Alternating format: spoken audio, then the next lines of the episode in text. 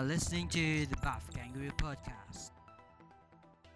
Halo, kembali lagi Buffmates. Kita hari ini ada ke- ada kesempatan untuk podcast lagi bersama salah satu guest kita yang ya kita seneng lah berkumpul dengan dia. Iya nih, legenda Eh, soalnya ini. Udah Legenda naga. berkali-kali ya sampai ada di video klarifikasi kita undang juga buat teleponan waktu itu kan. ya beli, beli Ferdi apa kabar? Baik, siap. Ya sebelumnya gue pengen nanya lu selama PSBB ngapain aja sih? Sama PSBB Iya. masih aktivitas biasa di Indobarian olahraga sendiri. Kadang-kadang kalau ada member ya ayo gitu. Cuman tetap protokol harus. Harus, harus, harus, harus. Harus. Pakai masker terus ya buat kalian. Kita nggak pakai masker nih. Ya, karena udah bersih sekarang. Tapi sebelum masuk juga ada pro, ada protokol ada dulu. protokolnya. Saya juga tadi dari tes eh, ini apa? Rapid juga sudah. Udah rapid, Barusan keluar tadi. tadi dibiayain sama beli tadi. Keluarnya cuma satu menit langsung hasilnya. canggih ya, canggih parah ya, canggih parah. nggak? Kita cuma yang negatif nih yang di sini doang yang bagus ya. iya. Ya. Iya. Gak ada yang tahu. Mana-mana negatif kan ya jelek. Nggak jelek Ini ya? Bagus. Di Ini sini bagus, bagus. ini bagus. Nah, akhir-akhir ini kan orang-orang pada udah sempet pergi, terus gym udah sempet buka kisaran tiga hari, empat hari, terus tutup lagi gara-gara eh, gubernur di Jakarta ya kita tinggal di Jakarta nih, eh, mencabut PSBB lagi kan nih. Ya. lu boleh gak sih ngasih saran di mana lu orang Indobarian nih, lu salah satu bapak calisthenics di Indonesia nih, ya kan? Eh, lu boleh nggak ngasih saran ke orang-orang eh, workout yang pas tuh gimana? Workout, yang pas. yang yang cocok untuk di rumah sebelum gua ngomongin ke research yang lain. Iya memang kalau kalau kita ngambil konsep awal dari Indobanan sendiri kan sebenarnya nggak perlu capek-capek harus nge-gym. Kita lakukan Indobarian atau calisthenics itu di mana saja bisa asal kita mau dan kita sadar kita butuh olahraga nggak nih. Mm-mm. Ya memang eh, godaannya eh bukan godaannya tantangannya adalah ngelakuinnya sendiri itu kayak gimana. Iya. Tapi kalau lagi fokus itu udah bisa fokus sendiri itu sebenarnya lebih senang latihan sendiri. Kalau untuk workout ya beda kalau misalkan eh, latihan kayak sparring atau apa itu beda ya. Dan memang kalau misalkan di komunitas yang rame banyak orang itu memang lebih ada Ada vibe ada vibe-nya gitu sih. ya. Cuman kalau konsep awalnya ya itu sendiri ya memang di rumah Iya. kayak gitu. Tapi emang kita sekarang harus beradaptasi untuk latihan di rumah nggak sih? Karena dengan situasi kayak gini tuh emang walaupun kadang-kadang latihan sendiri di rumah apalagi nggak ada equipment gitu kan nggak enak kan rasanya. Nah itu sebenarnya dibilang nggak ada equipment itu bukan nggak ada equipment, kitanya nggak kurang kreatif sebenarnya. Misalkan kalau ada galon, galon kan bisa dipakai, kursi kan bisa dipakai. Iya. Tabung gas tapi jangan beli ya. Tabung gas juga boleh tendang-tendangin gitu, boleh. Iya iya aja lagi. nah selain galon tadi apalagi beli? Banyak ya kayak sebenarnya kalau ini kan push up, squat itu kan sebenarnya nggak nggak perlu ribet-ribet kayak kursi kita taruh di sini ataupun eh, ya kita kreatif aja lah kayak ada kusen lah apa kayak gitu-gitu. Bosan dijadikan untuk pull up gitu ya. Iya sebenarnya itu cuma kadang-kadang orang males aja untuk untuk ini loh kurang kreatif pola pikirnya kurang kreatif harus mengandalkan gua harus eh, kalau nge-gym kalau main chest harus pakai bench press kayak gitu, kayak Hmm. gitu kan Iya. jadi gua harus ke gym nih enggak lah sebenarnya enggak kayak gitu juga lu coba analisa badannya sebenarnya kalau bench press tuh apa sih otot yang yang misalkan eh, bekerja misalkan dada nih coba kayak push up atau posisi gimana gimana oh iya dada juga ya itu lu lakuin berkali-kali sama aja sebenarnya kan. Nah, emang kayak pola pikiran eh, orang-orang harus malas itu emang kayaknya harus dihilangin karena ternyata Betul. akhir-akhir ini eh, dokter Tita lagi heboh nih di apa Asik. di, Di sosmed lah ya. sosmed, di YouTube lah, di eh, even di podcast juga sekarang lagi rame nih dokter Betul. Tita ngomong katanya kenapa pemain bola itu kena COVID 4 hari itu udah bisa recover, udah bisa Oh, sembuh. iya, Salah iya. satunya Ibrahimovic katanya. ya. Yoi. AC Milan ya guys ya. Yoi. Nah, jadi dia bilang katanya karena pemain bola itu eh, imunnya tinggi dan asupan proteinnya dan nutrisinya itu cukup. Mm, Iya, betul. Nah, jadi eh, menurut lo gimana emang kita harus eh, olahraga terus-terusan kayak tiap hari kita harus olahraga apa kayak misalnya buat orang kantoran gitu apakah kayak seminggu dua kali tiga kali Kalau gitu, kalau gimana? gue bilang ya, gue selalu ngomong ini selalu eh, kontroversial sama orang-orang di yang notabene kerja di gym atau kayak gimana sama dokter kadang-kadang. Kita bilang olahraga tuh tiap hari. Nah sekarang olahraga. mengolah raga-raga ini badan. Jalan aja sebenarnya kita sudah mengolah raga kita. Oke. Cuma sekarang pemahaman itu gini, kalau kita ngomong kita ah gue olahraga besok aja, ah besok sekarang gue enggak deh. Sebenarnya itu nonsens omongan kayak gitu. Iya. Iya kan? Bener, karena udah jalan dan segala macam. Iya, dia bentuk kalau olahraga tuh adalah patternnya, bentuknya adalah olahraga tuh kegiatannya kayak begitu tuh. Hmm. Sebenarnya makanya saya bilang badan saya nggak bisa berhenti bergerak. Ini sudah namanya olahraga. Cuman ada bentuk-bentuk postur-postur badan yang harus kita lakukan, kayak gitu kan. Jadi jangan pernah berhenti olahraga. Olahraga itu harus setiap hari dari bangun tidur mata kita melek. Ketika kita pakai badan kita untuk berjalan pun kita harus sudah berpikir kita lagi sedang olahraga. Mindset itu harus Oke. dipakai terus. Iya. Karena jangan bilang olahraga satu, oh, gue cuma seminggu dua kali nonsens kayak gitu. Kita badan kita itu didesain untuk bergerak terus kan sebenarnya. Jadi, ah olahraga tuh gunanya untuk mempercepat eh, meningkatkan imun imunitas badan kita dan juga metabolisme kita cepat kan. Nah itu kalau kita misalkan eh, sakit atau apa, kan berarti ada sel-sel yang rusak atau apa, dia mencepat eh, recovery-nya. Kalau orang yang nggak pernah pakai kayak itu diem aktivitasnya kurang, ya jadi lama. Kayak tadi ngomongin apa pemain bola, kenapa Iya. lebih cepat? Ya karena dia sehat sekali, Iya. asupan airnya, proteinnya apa dia langsung re- apa eh, repair sendiri dia, Iya, kayak iya. gitu kan. Iya, as far as kalau ngomongin nutrisi pun gitu, eh, apakah kayak makan pagi siang sore, eh pagi siang sore lagi, pagi siang malam udah cukup?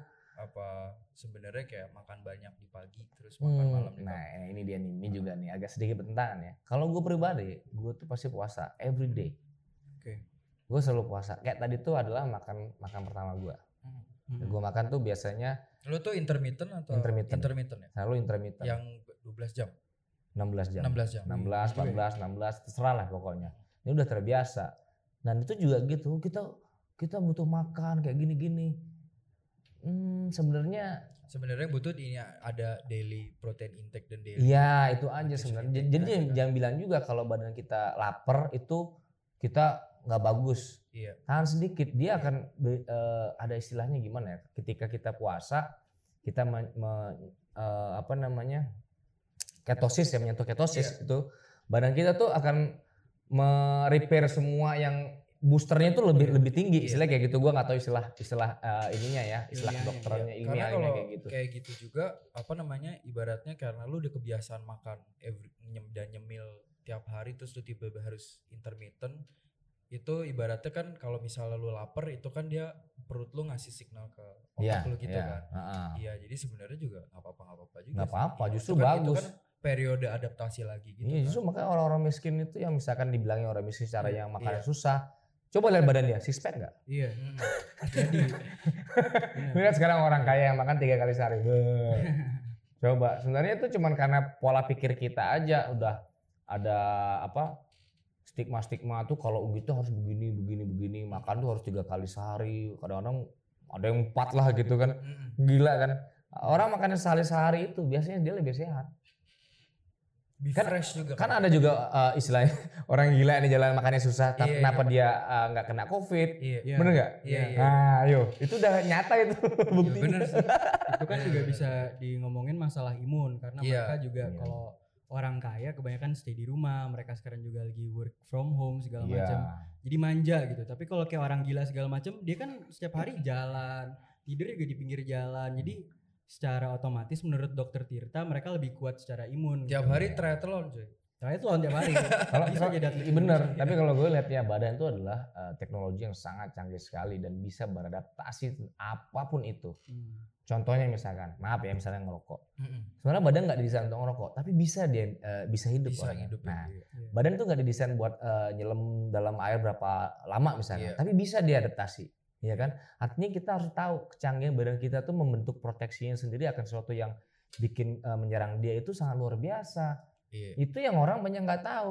Lu cobain aja sekarang. Awal-awal lu jalan-jalan panas-panasan nggak pakai sepatu, panas kan? Iya. Tapi coba setelah ngelewatin setengah waktu, badannya adaptasi, lu jalan lagi Iya. eh, ini. Pasti udah adaptasi kan. Iya.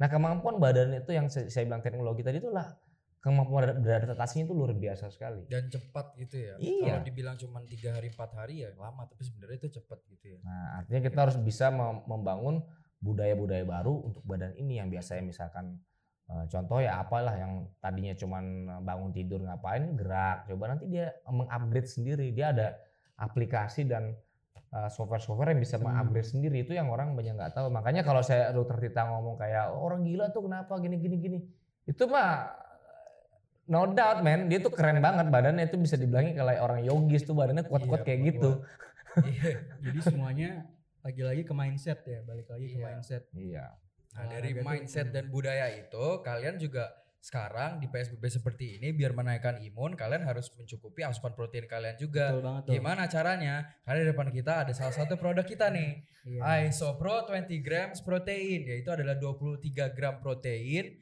Di dalamnya juga ada BCAA nih sebesar 4,5 Setengah. gram. Betul. Tapi dan semuanya ini tuh zero sugar, zero lactose buat kalian yang gak suka susu. dan zero fat ya Angel ya. Iya dan zero fat. Jadi kalorinya santai-santai aja. Tercukupi lah. Iya, kalau waktu itu di salah satu testimoninya Chico Jericho itu habis makan malam pemenuhi asupan proteinnya dia minum Isopro 20 grams protein. Hmm. Jadi Hmm. boleh dicek ada di link di bawah. Karena emang di masa-masa seperti ini tuh perlu banget nutrisi yang cukup Iya. dan Ya. juga olahraga yang cukup seperti Bli bilang tadi. Yang penting juga mindsetnya.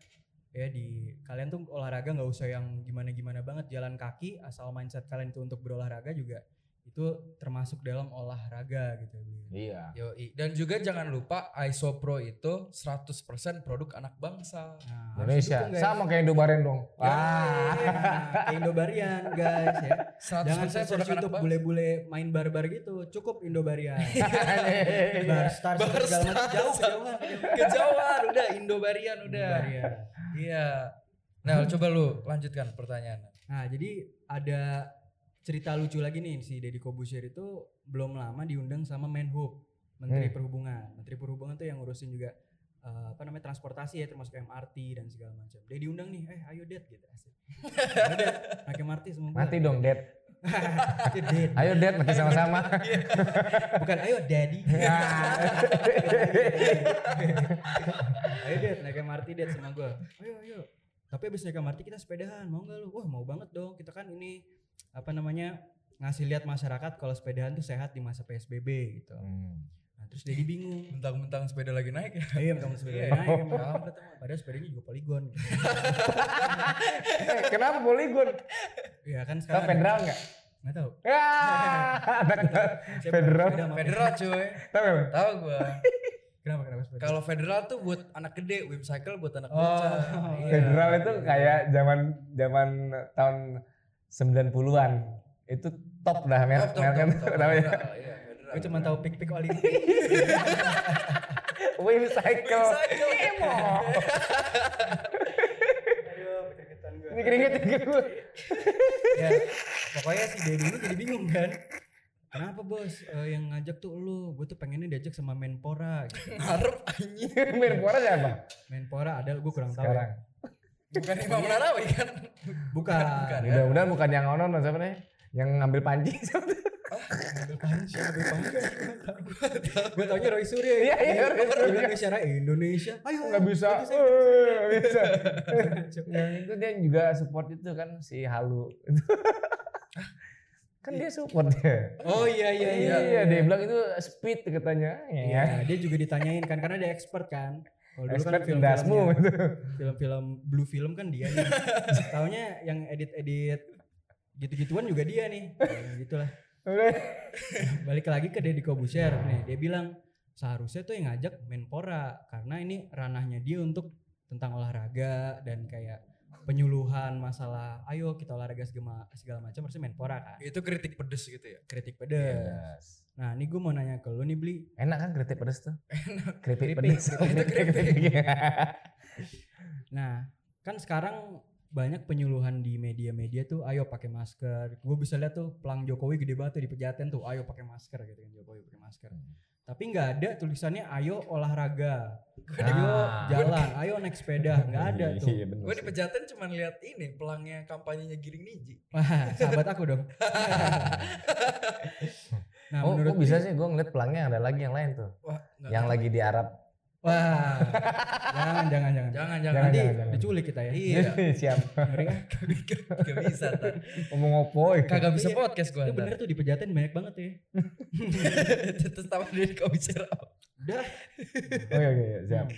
Menurut Bli, apakah olahraga itu tidak lebih penting dari pakai masker? Gitu? iya sih sebenarnya gini. Eh kalau gue bilang kok orang tuh sibuk kayak eh, ngeblokin orang keluar, terus jangan orang ketemu satu sama lain, ya.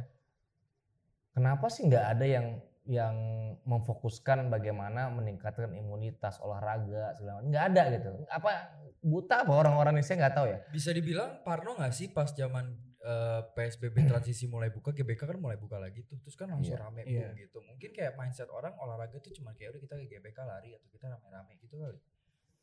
Nah itulah yang yang kurangnya di di kita itu adalah eh, pengetahuan atau penyuluhan atau ajakan-ajakan bahwa sebenarnya kita sudah tahu sekarang banyak informasi. Hmm. COVID ini nggak ada obatnya, ya.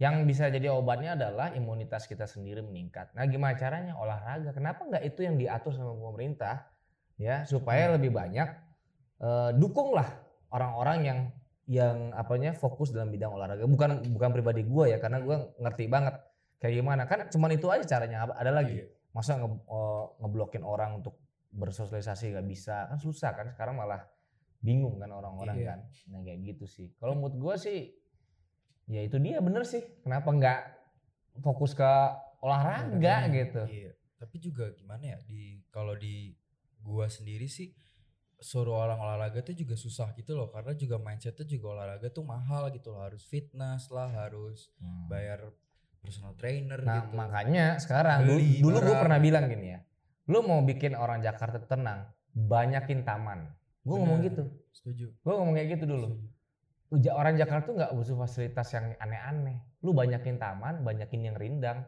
otomatis pikirannya seger Iya, lihat pohon terus gitu Lihat kan. Kan cuma ke Pohon. GBK doang jadinya. fresh Iya. gitu kan terus taman-taman ya kasihlah tempat olahraga di mana-mana Iya. yang di di luaran gitu kayak yang di Kalijodo gitu ya Iya, udah bagus udah sekarang hancur lagi iya.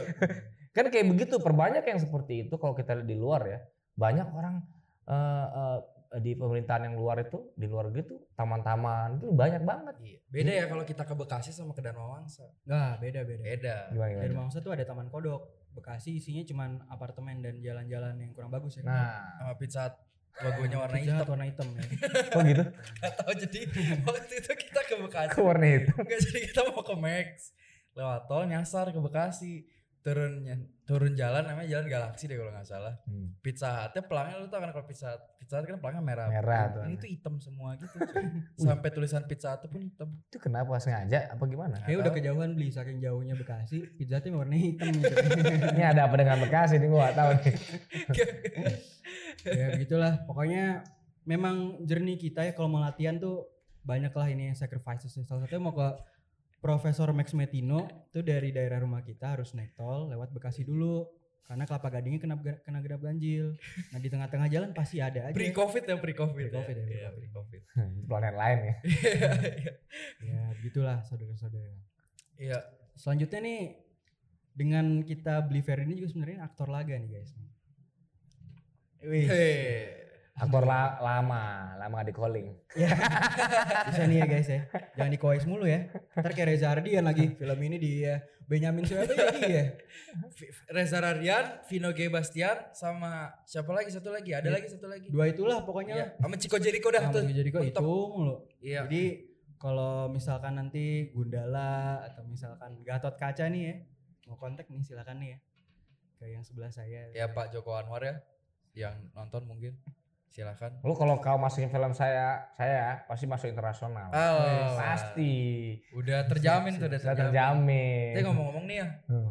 eh akhir-akhir ini udah berapa lama lu vakum di dunia acting? Maksudnya vakumnya 2019 sih terakhir itu terakhir. Hmm. Itu syuting yang di net itu ya.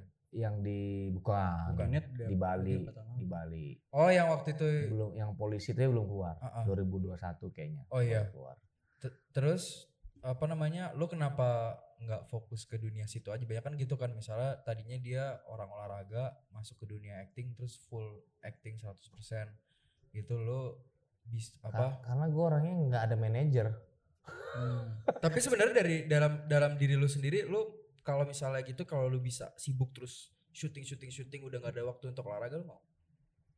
pasti ada waktu dong. Makanya gue ciptain Indobarian. Iya. Enggak maksud gue kayak lu kan sekarang masih bisa masih Oh iya masih, iya. masih Emang bener sih kalau lagi syuting tuh memang memang uh, texting kan soalnya. waktu kita olahraga kurang sih. Iya. Cuman tetap disiplin harus dijalankan. Hmm. Disiplin tuh kayak Kayak Ya. Rock kita jam 4 pagi olahraga. iyo iyo nggak gitu itu juga sih, nggak gitu gitu juga. Maksudnya kalau di lokasi ngapain? lah? Banyak kan nunggu kan? Iya. Oh push up kayak apa kayak gini gini, gitu kan. Si banyak waktu kalau misalnya lagi syuting kayak gitu. Tapi terus akhir-akhir ini gimana nih? Maksudnya dengan kebanyakan drama di komunitas bela diri nih akhir-akhir 2020 ini ya. Ya, banyak drama ya, banyak drama. Eh lu gimana lebih enak di dunia komunitas acting atau di komunitas eh, olahraga bela diri nih menurut lu enakan mana sih? Karena dua-duanya nggak nggak nggak di, bisa dipisahin sih menurut gue. Kalau gue juga main film, mainnya filmnya pasti berhubung dengan bela diri, juga. Iya. yang laga-laga kayak gitu. Jadi dua dua sinambungan. Kalau olahraga ini sebagai eh, faktor eh, aplikasi penguat kita untuk melakukan itu sebenarnya kalau gua. Film paling susah lo lakuin apa selama di karir lu? Sebenarnya ada satu film yang gue seneng banget itu eh, short movie. Kemudian kita tuh pernah menang di di eh, apa di luar ya di Fantasia eh, apa namanya movie award kayak gitu-gitu banyak sih. Hmm. Mortal Enemy juga Platinum Award menang sebenarnya, cuman nggak diekspos aja karena Iya. kita tuh nggak ngerti ma- eh, kayak marketingin kayak gitulah kayak gimana nggak Masukin insert gitu ya. Nah, gitu-gitu kita kan nggak tahu lah. Nah, itu film yang gue bilang itu paling menarik mood gua dan itu gaya pengambilannya, gaya semua orang-orang yang yang include di di di tim itu ada namanya You Can See Me, You Can Hear Me judulnya seperti itu. Mungkin bisa cari coba. John Cena ya, you can see. Enggak, itu, itu dulu sih itu tahun 2015 ya. Kita Hmm. bikin 2015 itu menang, kita bikin short movie 14 menit, itu full actionnya bagus banget Itu proses paling ribet. paling keren yang mood gua bilang dari semuanya. Karena apa? Orang tuh kebanyakan kalau bikin film action harusnya nemunya sama orang action, Hmm. bukan sama orang drama. Judulnya di YouTube ada? You can see me, you can hear me ada sih kayaknya. Itu eh, kameramennya orang-orang action juga, orang-orang bela diri. Hmm. Tahu ini gak sih? Eh, Coming Project siapa sih? Iya. Si Andri Gandra, dia kameramen gua pemain semuanya orang-orang yang pegang sutradaranya juga kita kita semua tuh nyatu jadi semua Iya. sampai orang kameramen Indonesia tuh kan males kalau kita suruh track lari kayak gini Hmm. dia maunya ngepen padahal kita maunya begini misalkan contohnya ya beda kan feelingnya nah, itu kayak begitu. Ya males. Gimana orang sekarang kalau misalnya DOP-nya begitu-begitu suruh lari sedikit nggak mau. Itu juga pernah waktu saya jadi uh, action director. Nggak mau begitu beda. Lu kayak gini jongkok kayak misalnya gini low angle. Dia nggak dia pen itu beda.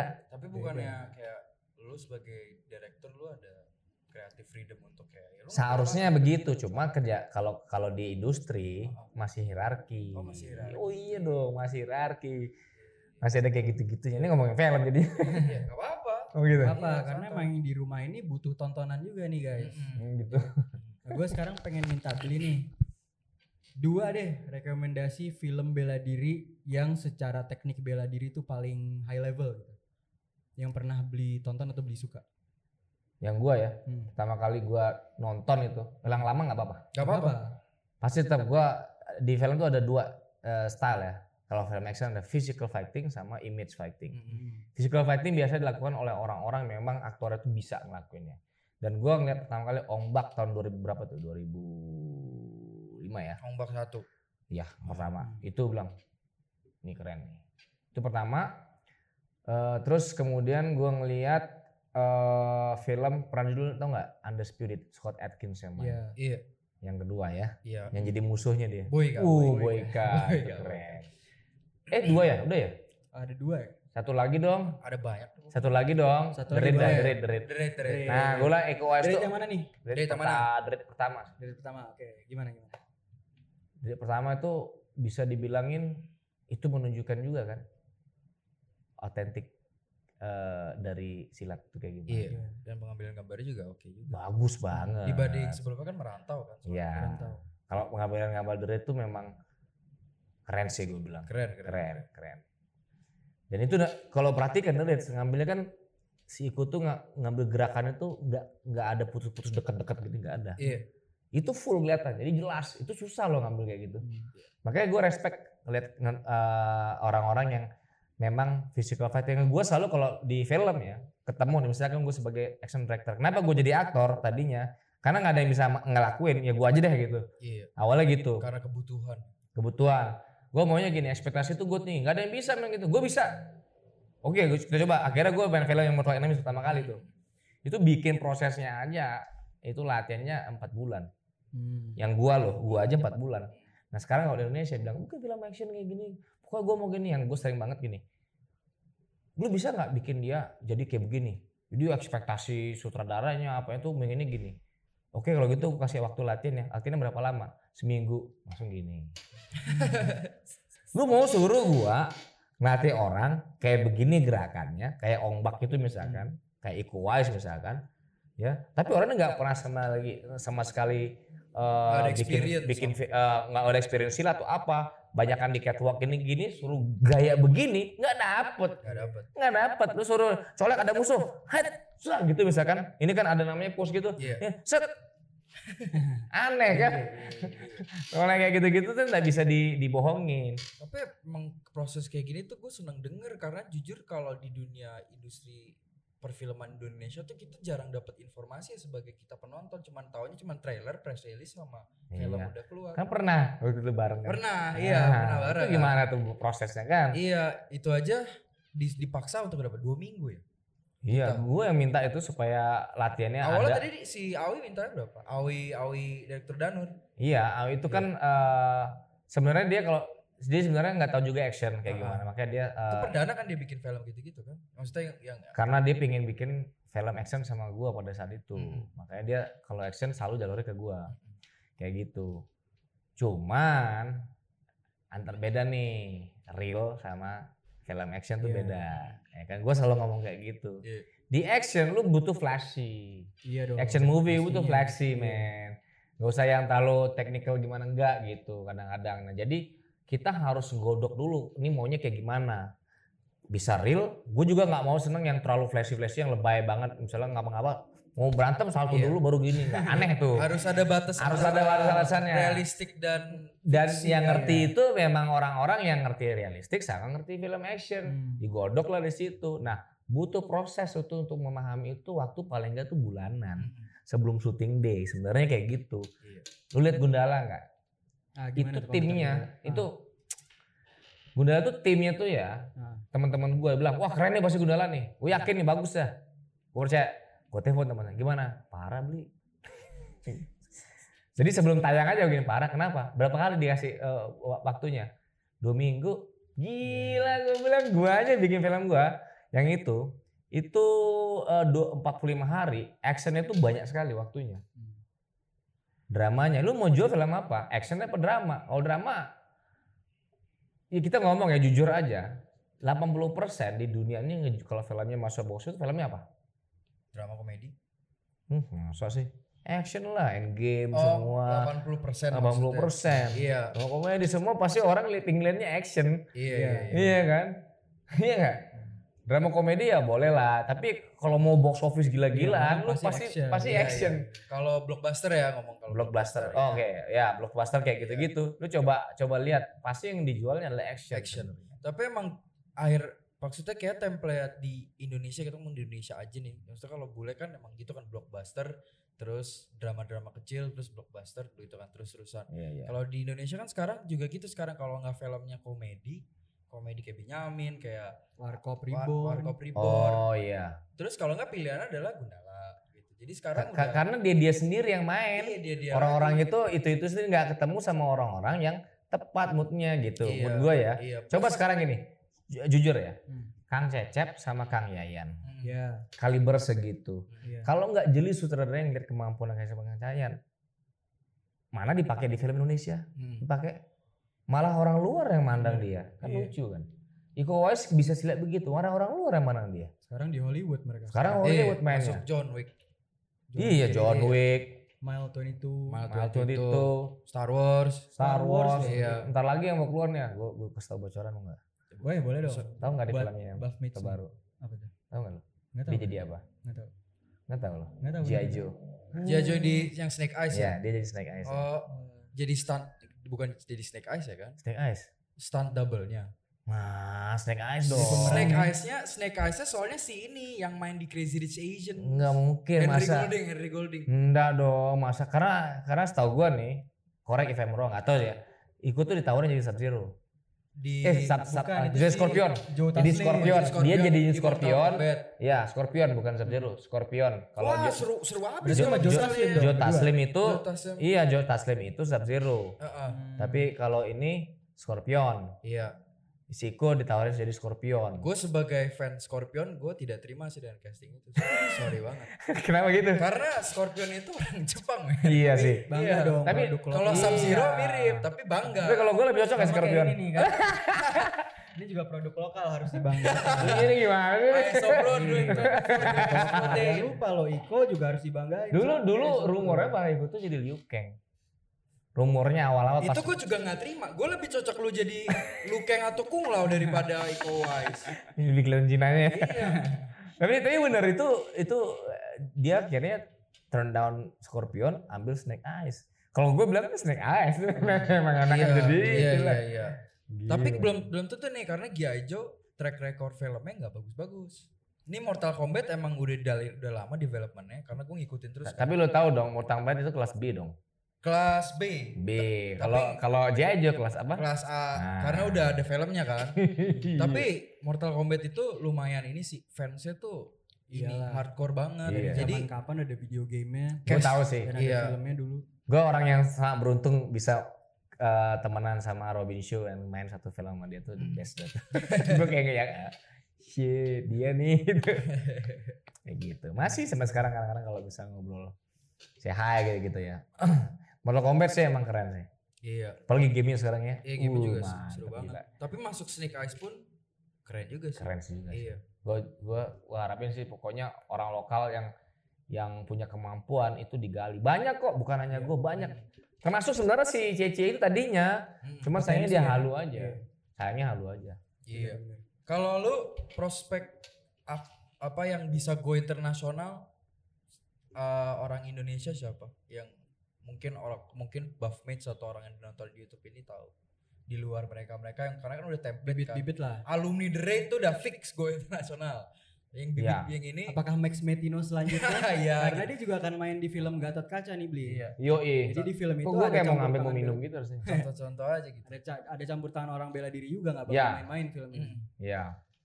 Mungkin aja kita nggak pernah tahu kan. Karena kalau nggak salah Gatot Kaca di di udah di apa banyak di congratulates gitu sama sama aktor-aktor luar kan.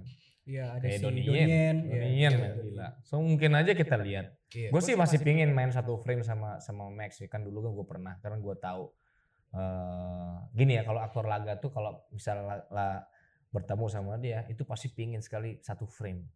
Tapi Kang Yayan ini yang selalu ngomong, Kang Yayan sabar ya. Kang Yayan ini selalu saya tuh pingin banget tuh satu frame sama sama Ferdi kayak Hmm. gini-gini. Tapi belum ada yang yang yang yang, yang Yang lihat gabungin. yang gabungin belum ada karena karena mungkin nama saya tenggelam dulu memang masih sama sama Iko setelah saya bikin Mutual Enemies Iko bikin eh, merantau kan Iya. tadinya di The Raid 2 saya tuh jadi baseball bat cuman saya tan tanda jadi. Oh iya. nggak jadi karena kan ECL putus Hmm. Lu- bilang gitu Lu main ini aja, main film drama dulu. Siapa tunjuk- nonton? tunjuk- Preman tunjukkan- pensiun tuh. gue di RCTI. tapi kalau sekarang gue mau ngomong tunjukin tunjukin kualitas drama lu di film bukan preman pensiun juga anjing. cuma mention yang mana tuh ada pokoknya sekarang gue kan sering lihat YouTube nih trendingnya apa. Trending nomor 5 preman pensiun ya elah. Haus hiburan banget sih ini orang-orang. gue nggak tahu gue juga gak tahu. Sinetron gitu lah pokoknya tentang kayak preman-preman gitu gue gak tahu. Iya, namanya juga preman pensiun ya pasti tentang preman pensiun lah pasti. apa sih tuh Silahkan ditonton di YouTube. ah, iya. Nonton nonton di YouTube. Nah, kayaknya nggak perlu deh mukanya aja udah nggak enak kan ya kayak gitulah Ya mungkin lu bisa main di Bumi Langit Universe kali. Mungkin. Bisa Nah itu kali ya. itu kan sih feeling feeling panjang kan feeling feeling itu. gue sih Iya. masa sih lu nggak nyari karena gue main film yang kemarin-kemarin itu nggak ada eh, actionnya sedikit sekali karena kayak main film tentara tuh gue 2015 2017 gue tentara semua gue pengen nih lagi lompat sana sini itu masih bisa gue masih keren nih, masih pingin nunjukin gitu. Karena seneng. Itu zaman passion sekarang kan banget. zaman dulu kan cowboy. Zaman sekarang superhero. Oh kalau di iya, film. betul. Iya. Ya mudahan nanti super eh, hero bumi lagi. Pasti banyak tuh. Mau jadi penjahat kan gue hajar. Iya, Banyak Gua- banyak banyak. Gua jadi, kan kabarnya mau main juga. nah gue gak tahu tuh. Kabar dari mana gue dengerin? Pasti main lah. Instagram ya? Gue sih yakin gue pasti main. Karena ada kontrak sama ya One Pride kan punya Bakri ya. Nah Bumi Langit juga salah satu yang investor. Gue bisa kasih bocoran kalian Ahong di salah satu di Gundala 2 jadi apa? Apa? Jadi kalau ada TV itu itu Ahong lawan Theo. Tapi kemarin Gundala ya kalau kalian ada TV gitu, ada berita tiba-tiba dari SCTV gitu. ya. Iya iya. Ketahuan banget sponsor Video video. video.com. Kayak Iya, gitulah. Lagi cukup berkembang ya emang eh, aktor-aktor laga di Indonesia ini. Iya. Udah go internasional sekarang. Betul betul. Nah, terus gue juga mau ngomongin ini sebenarnya yang lagi seru adalah UFC guys. Karena kemarin ada pertandingan Adesanya sama Costa. Dua-duanya nih Hmm. undefeated nih. Mm-mm. Dan salah satunya nih orang Brazil. Mm-mm. Mumpung kita sama orang capoeira Indonesia nih yang Brazil banget. Minta komentarnya dong tentang fight kemarin beli. Tapi nggak tahu kenapa ya. Biasanya sih, ya jujur kan. Hmm. Gue tuh biasanya sih dukung berbau Brazil. Nah, Cuma untuk saat ini nggak tahu kenapa. Gue pingin dia kena kalah lah. Jangan sampai si si Adesanya kalah. Mungkin karena ini ya. Adesanya tuh karakternya suka komik. Hmm. Kayak bocah gitu Iya, ya. Iya kayak gitu-gitu lah modelnya. Dia suka banget kayak namanya aja style bender kayak gitu-gitu Iya. kan. Tatonya Iya kan? juga tato Naruto. Nah, kayak gitu-gitu. Mungkin itu yang bikin gue kayak ini anak big dream sama kayak gue juga dulu kan begitu. Hmm. Pingin banget kayak toko-toko Jepang komik itu gimana ini gini. Karena kita punya fantasi-fantasi Punya seperti itu. Nah, iya. gue ngerasa gue ngeliat gue ada samaan sama biasanya. Pas dia gitu, teh dihajar kan. Iya. Ekspektasi lu gitu nggak? Ekspektasi kalian terhadap sih. fight itu gimana? Maksudnya lu bakal gue sih gue sih ngeliat ngeliat adesanya tuh kan brutal juga Iya. men gue rasa nih ada gue nggak pernah lihat adesanya juga di di sikat gitu karena ngeliat Romero fight sama si Adesa ah, si Paulo Costa kan gila keren banget ya Iya. pada saat dia fight sama si si Adesanya agak-agak takut-takut gitu kan Benar. Romero juga diem-diem gitu Iya, kan nggak jelas tuh. ya nggak jelas gitu Iya. pertandingan apa itu lah Candela gitu nah itu habis itu kayak gue expect sih aduh kenapa nggak brutal aja gitu Ya karena soalnya Costa lawan Romero brutal banget kan soalnya. Kan? Brutal. iya dan itu juga membuktikan bro Iya. satu hal lagi black belt tuh di dikalahin sama blue belt men Bentar kan kita blue belt nih jadi ya udahlah yakin punya kesempatan punya kesempatan di situ Nah, Gila yang kan? dari pertandingan kemarin tuh banyak juga yang komen beli di Instagramnya Adesanya. Karena di chestnya dia itu sebelah kanan deh kayaknya itu Sebelah kanan. sebelah kanan ada kayak man boobnya gitu beli. Jadi ada teteknya gitu, bukan chest tapi boob Iya. gitu kan. siapa Adesanya. Adesanya. Wah Ntar boleh dilihat ya guys Iya. di Instagram. Namanya apa di mana. di Twitter? Gaino apa gitu. Gino, Gi iya. G Y N O. Iya. Nah, itu salah satu bahasa ilmiahnya tentang man boob lah. Jadi katanya Ah. steroid itu Nah, steroid. baru Pasti, ya, pasti. karena beli ini orang fitness juga. ya biasanya kalau kayak ke sana ada steroidnya sih. Nah, jadi mungkin mungkin aja dia menggunakan steroid karena banyak yang nanya juga ada tesnya kan enggak harusnya ada tesnya, ada badannya kan si Yusada itu. Iya. gimana Mungkin aja ada ya nggak tahu, gue juga Tapi nggak tahu kan lah. Mungkin ada permainan juga gimana. itu setelah kerja sama UFC sampai si bos Yusa satu orang Yusadanya yang botak itu tuh kan kerja sama kan maksudnya punya saham di UFC juga kan. Hmm. Mulai udah mulai ada kontroversi tuh pas zaman itu Brock Lesnar main di UFC 200. oh iya Pas dia main kan dia nggak nggak pas masuk ke UFC dia nggak dikasih tes Yusada kan dikasih kayak kayak clear pass gitulah. oh iya baru iya. pas setelah fight dia baru ke gap dia Pakai. lolos. Habis itu kan John Jones iya iya terus TJ Dillashaw, EPO. Jadi kayak orang mikir tuh ada ada permainannya di dalam itu iya. gitu. loh. Hmm. Tapi juga mungkin juga lab di usadanya juga hasil tes kan lama kan ininya Iya, iya, munculnya. Jadi ya itu sih tiba-tiba jadi kontroversi cepat gitu loh tiba-tiba. Karena Adesanya juga kalau lu sebagai orang awam melihat fisiknya dibandingin Costa, oh ini orang nggak mungkin kawin orang segede gini nih. Mm-mm. Jadi itu yang makin digosipin orang jangan-jangan apakah ini steroid gitu. Walaupun Adesannya udah bilang enggak ya, dia bilang dia nggak pakai steroid. Tapi ya. kalau misalnya pakai steroid pakai apa? Maksudnya pakai EPO kayak Lance Armstrong kayak di Show gitu atau eh, ad- emang ada apa steroid yang lu nggak bulk tapi Everybody using steroid kalau kata Nick Diaz. Nick, Diaz. Hmm. Nick Diaz. Ya kasihan juga sih. Tapi dengar-dengar mau balik kan? Nick Diaz. Iya Nick Diaz mau Iya, balik kan? juga. Oh Nick sih gue tahu Nick. Cuman Nick yang yang, yang lebih ini kan. Iya, Nick lagi naik juga. lagi mau naik nih sekarang. juga. Paling lawan Robbie Lawler lagi sih paling masuk. Ya dia bilang dia everybody on steroid. Iya. Semua kayak gitu. Ya kita nggak tahu lah ya. Iya. Namanya cheater cheating kayak gitu mah banyak sih. Cuman ya kalau kayak gitu nih baru banget gue jadinya. Jadi ntar gue mungkin lihat lagi. Iya, silakan dilihat ya, Cuman kalau masalah debat steroid, pakai steroid di UFC di ma- promosi mana pun, menurut gua, lu harusnya tanda tangan kontrak lihat orangnya sketchy ya itu udah, udah ini tang apa kayak Oke lah. kewajiban lu kayak ya udahlah gua harus take risk untuk fight apa pun itu yang di di dalam tubuhnya ya. Ya tapi lucunya gini deh. Walaupun orang eh, on steroid segala macam, tapi kita nggak lihat fight itu brutal kayak sebelumnya Iya. sih itu. Ya memang bedanya sih tahan lama aja kan orang kalau pakai steroid mah tahan lama aja Iya, nggak tahu performance. capek. Tapi kalau teknik segala macam kan seharusnya Sama aja. sama-sama aja, Iya. nggak ada bedanya sebenarnya. Iya. Jadi, Dan itu gue nggak ngelihat si si Costa ini bener-bener eh, apa namanya nunjukin skill yang sebenarnya gue nggak tahu kenapa dia banyak diem disikat Iya. kakinya dia diem terus banyak taunting taunting gak jelas gitu KO lagi ya Kalau iya. setelah dia setelah fight dia ngomong something happen before the fight. Iya. Terus gue expect pas dia ngomong something happen before the fight gue kayak Dijelasin. ada apa nih? Terus nggak dijawab malah I will. I want to revenge. I want revenge. Gue kayak men lu jawab dulu lu kenapa sebelum Iya. fight baru lu call out habis itu. biasanya biasanya kayak gitu-gitu kan loser aja yang ngomong kayak gitu Iya. tapi ya gue nggak tahu dah gue taunya kan Costa tuh ganas banget Ganas tapi itu banget. kayaknya memble banget Kita kita kita expect fight itu sebagai fight lima ronde seru. Bener. Gitu loh. iya yang debak-debukan aja Iya. Mungkin Tapi- faktor eksternal putus sama ceweknya gitu kali Ya atau- kali. Tapi emang selalu gitu gak sih kalau dipikir-pikir apa Ferguson Gagey, Iya, yang ekspektasi Iya. udah terlalu Romero high. iya Adesanya yang benar benar Terus kalau fight Bener, weeknya smooth ngaco, itu pasti ada sesuatu yang iya iya Iya iya. gak sih? Iya, iya, Kecuali bener, bener. Colby lawan Woodley itu perfect tuh Iya. dari awal sampai habis. iya iya iya Itu worthy untuk masukin gue download di laptop tuh. Udah gitu doang aja. di whoop dia sih Iya. Tyron Woodley Iya. Gila itu. Iya. Wah anjing tuh. Kaget banget gue liat nih. Iya. tapi gue nggak tertarik sih sama Tyron Woodley sih dari dulu nggak tahu Dari gaya, dulu? gaya stylenya tuh nggak setelah dia hajar Robbie Lawler kan pingsan gitu ya Iya. wah keren setelah itu fightnya kok banyak nunggu gini Dia ngandelin kanannya doang sih. iya soalnya. cuma itu doang padahal tuh kan dia kalau mau sikat Iya. rubah gameplaynya kayak gitu mungkin lebih juga bagus. sadis ya Nah ini udah berapa menit sih? nih?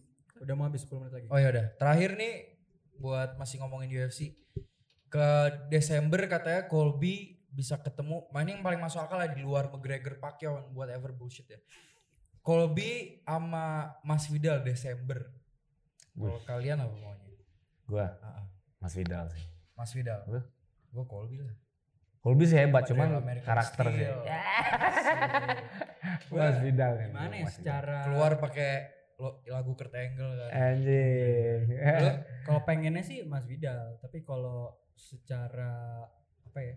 skill sih kertas, Secara di atas kertas. Iya. Tapi kalau gue pengen Mas Vidal biar makin hype aja. iya Mas Vidal sih Biar makin rame aja UFC Iya karena sih. sekarang beres juga dia Mas Vidal tuh Beda. Beres, beres. Kan BMF dia. BMF. BMF. Terus? BMF. 2021 alhamdulillah corona udah ada vaksin whatever ya. Dari kalian berdua nanti terakhir gua lu pengen lihat fight siapa 2021 kapan pun itu ya. Dan siapa pun itu apa kelas apa pun. Eh, ini siapa? Gue dulu ya. Terakhir podcast episode sebelum ini gue udah bilang, tapi gue ganti nih. Gue pengen banget liat John Jones sama Adesanya. Di kelas Di kelas Light, light heavy lah. light. light heavy ya. Iya, kelas light heavy. Wah, Ketemuannya berdua. Itu super fight parah sih. Super Iya, fight. karena mungkin Adesanya tinggal naik kelas, si John Jones tinggal ya maintain aja yang sekarang. Lebih seru lagi kalau John Jones ngambil sabuk ke Yan terus champion versus champion. Iya.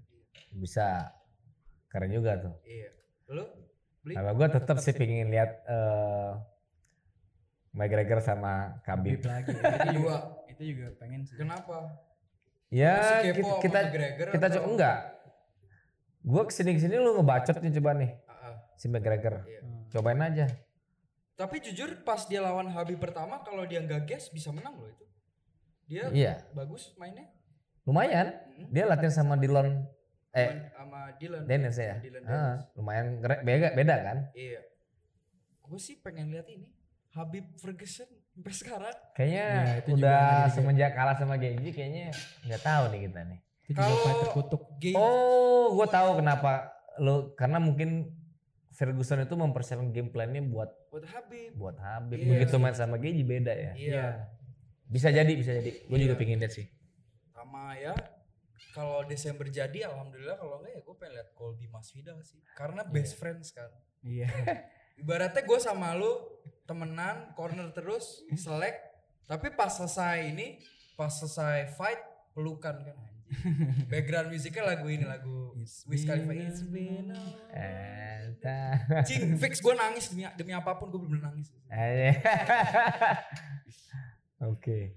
Ya sudah silakan dibungkus saja acara hari ini. Asik. Jadi thank you Bli udah Siap. ngeluarin waktunya Bli. buat 45 menit. Gue lebih seneng ngebahas UFC sebenarnya. Jadi ini aja kita jadi tambahin programnya nanti dibahas di analis. iya, kapan-kapan kapan-kapan ini kita kita eh, analisa fighter kita dong di One Pride. Oh iya dong. Oh boleh boleh Iya, boleh. kan. Eh udah deh sekalian aja kemarin One Pride nonton gak sampai habis? Nonton. Bagaimana? Eh highlightnya, kualitasnya. Oh, ini dari gambar ya. Gara-gara- Oh bukan bukan dari, Enggak, kalau dari fight gua- kualitas fightnya. Fight gue yang sama si Aib, Aib tuh ya. Ya. Itu sayang aja cedera. Gue rasa, Iya. gue pikir tadi Aib Setuju. bakal bakal hancurin ini karena kan beda ya posturnya. Hmm. Tapi dia bisa siapa namanya satu lagi lah. Lamhot. Si Lamhot tuh Hmm. lumayan juga. Tapi sayang aja cedera ya. Iya, itu juga cedera kayak menurut gue sih kurang signifikan untuk diberhentiin, tapi gue bukan dokter jadi. Iya iya iya. Sayang banget Komen. itu. Itu doang yang ini kalau si siapa Wong Feong sama si ini Nah, itu iya. drop tuh dia tuh performance. Ya mungkin lagi drop sekali dan eh, ya ya gitulah. Faktor corona kalau menurut gue. faktor Gue corona. nggak tahu. Namanya juga Indonesia. Tolong tolong kita eh, kalau perlu apa promosi-promosi fight itu gua aja yang bikin deh. Gue paling males tuh kayak ada kayak gitu-gitu kan kayak ini Saya. tolong jangan hancurkan kita di situ. gue tahu tuh namanya tuh. Pokoknya yang admin Facebook One Pride lah. Pokoknya pokoknya dia kita pernah lihat dia ini ya apa ini mecahin ini Jadi ya. party popper. jadi party popper dia. Oh, Kalau- gitu. Kalau sebelum apa der der der tuh kalau juara. Ada tuh manusianya tuh di situ. Makanya ex- accept kalau saya request masukin video kalau enggak saya bakal diem deh. Aja Oke. Gue gak tahu ya, gue gak tahu ya. Thank you banget Bli Siap. udah untuk waktunya. Pasti gue yakin banget kita pasti akan bikin video dan ngumpul-ngumpul lagi lah. Pasti. Oke. Terus jangan lupa juga buat teman-teman di rumah yang udah dengerin advice dari beli tadi tetap konsumsi nutrisi yang cukup dengan ISO Pro 23 hari ini ya. 23 gram protein, 4,5 gram BCAA, zero lactose, cobain ya. zero sugar, Cobain dong. dan juga ada satu lagi zero carbs dan kalorinya cuman nggak tahu pokoknya less Less calorie. calorie, ya. Oke? Gimana beli? Enak. Ah, itu kata-kata penutupan kita hari ini. Sampai jumpa di episode berikutnya. Jadi pintar edit ya. Sampai ketemu di Super saya. Sampai ketemu Buff Mate di episode berikutnya. Thanks. Mantap. Enak enak. Enak Kalau ya? kalau dingin enak. Oke. Hey!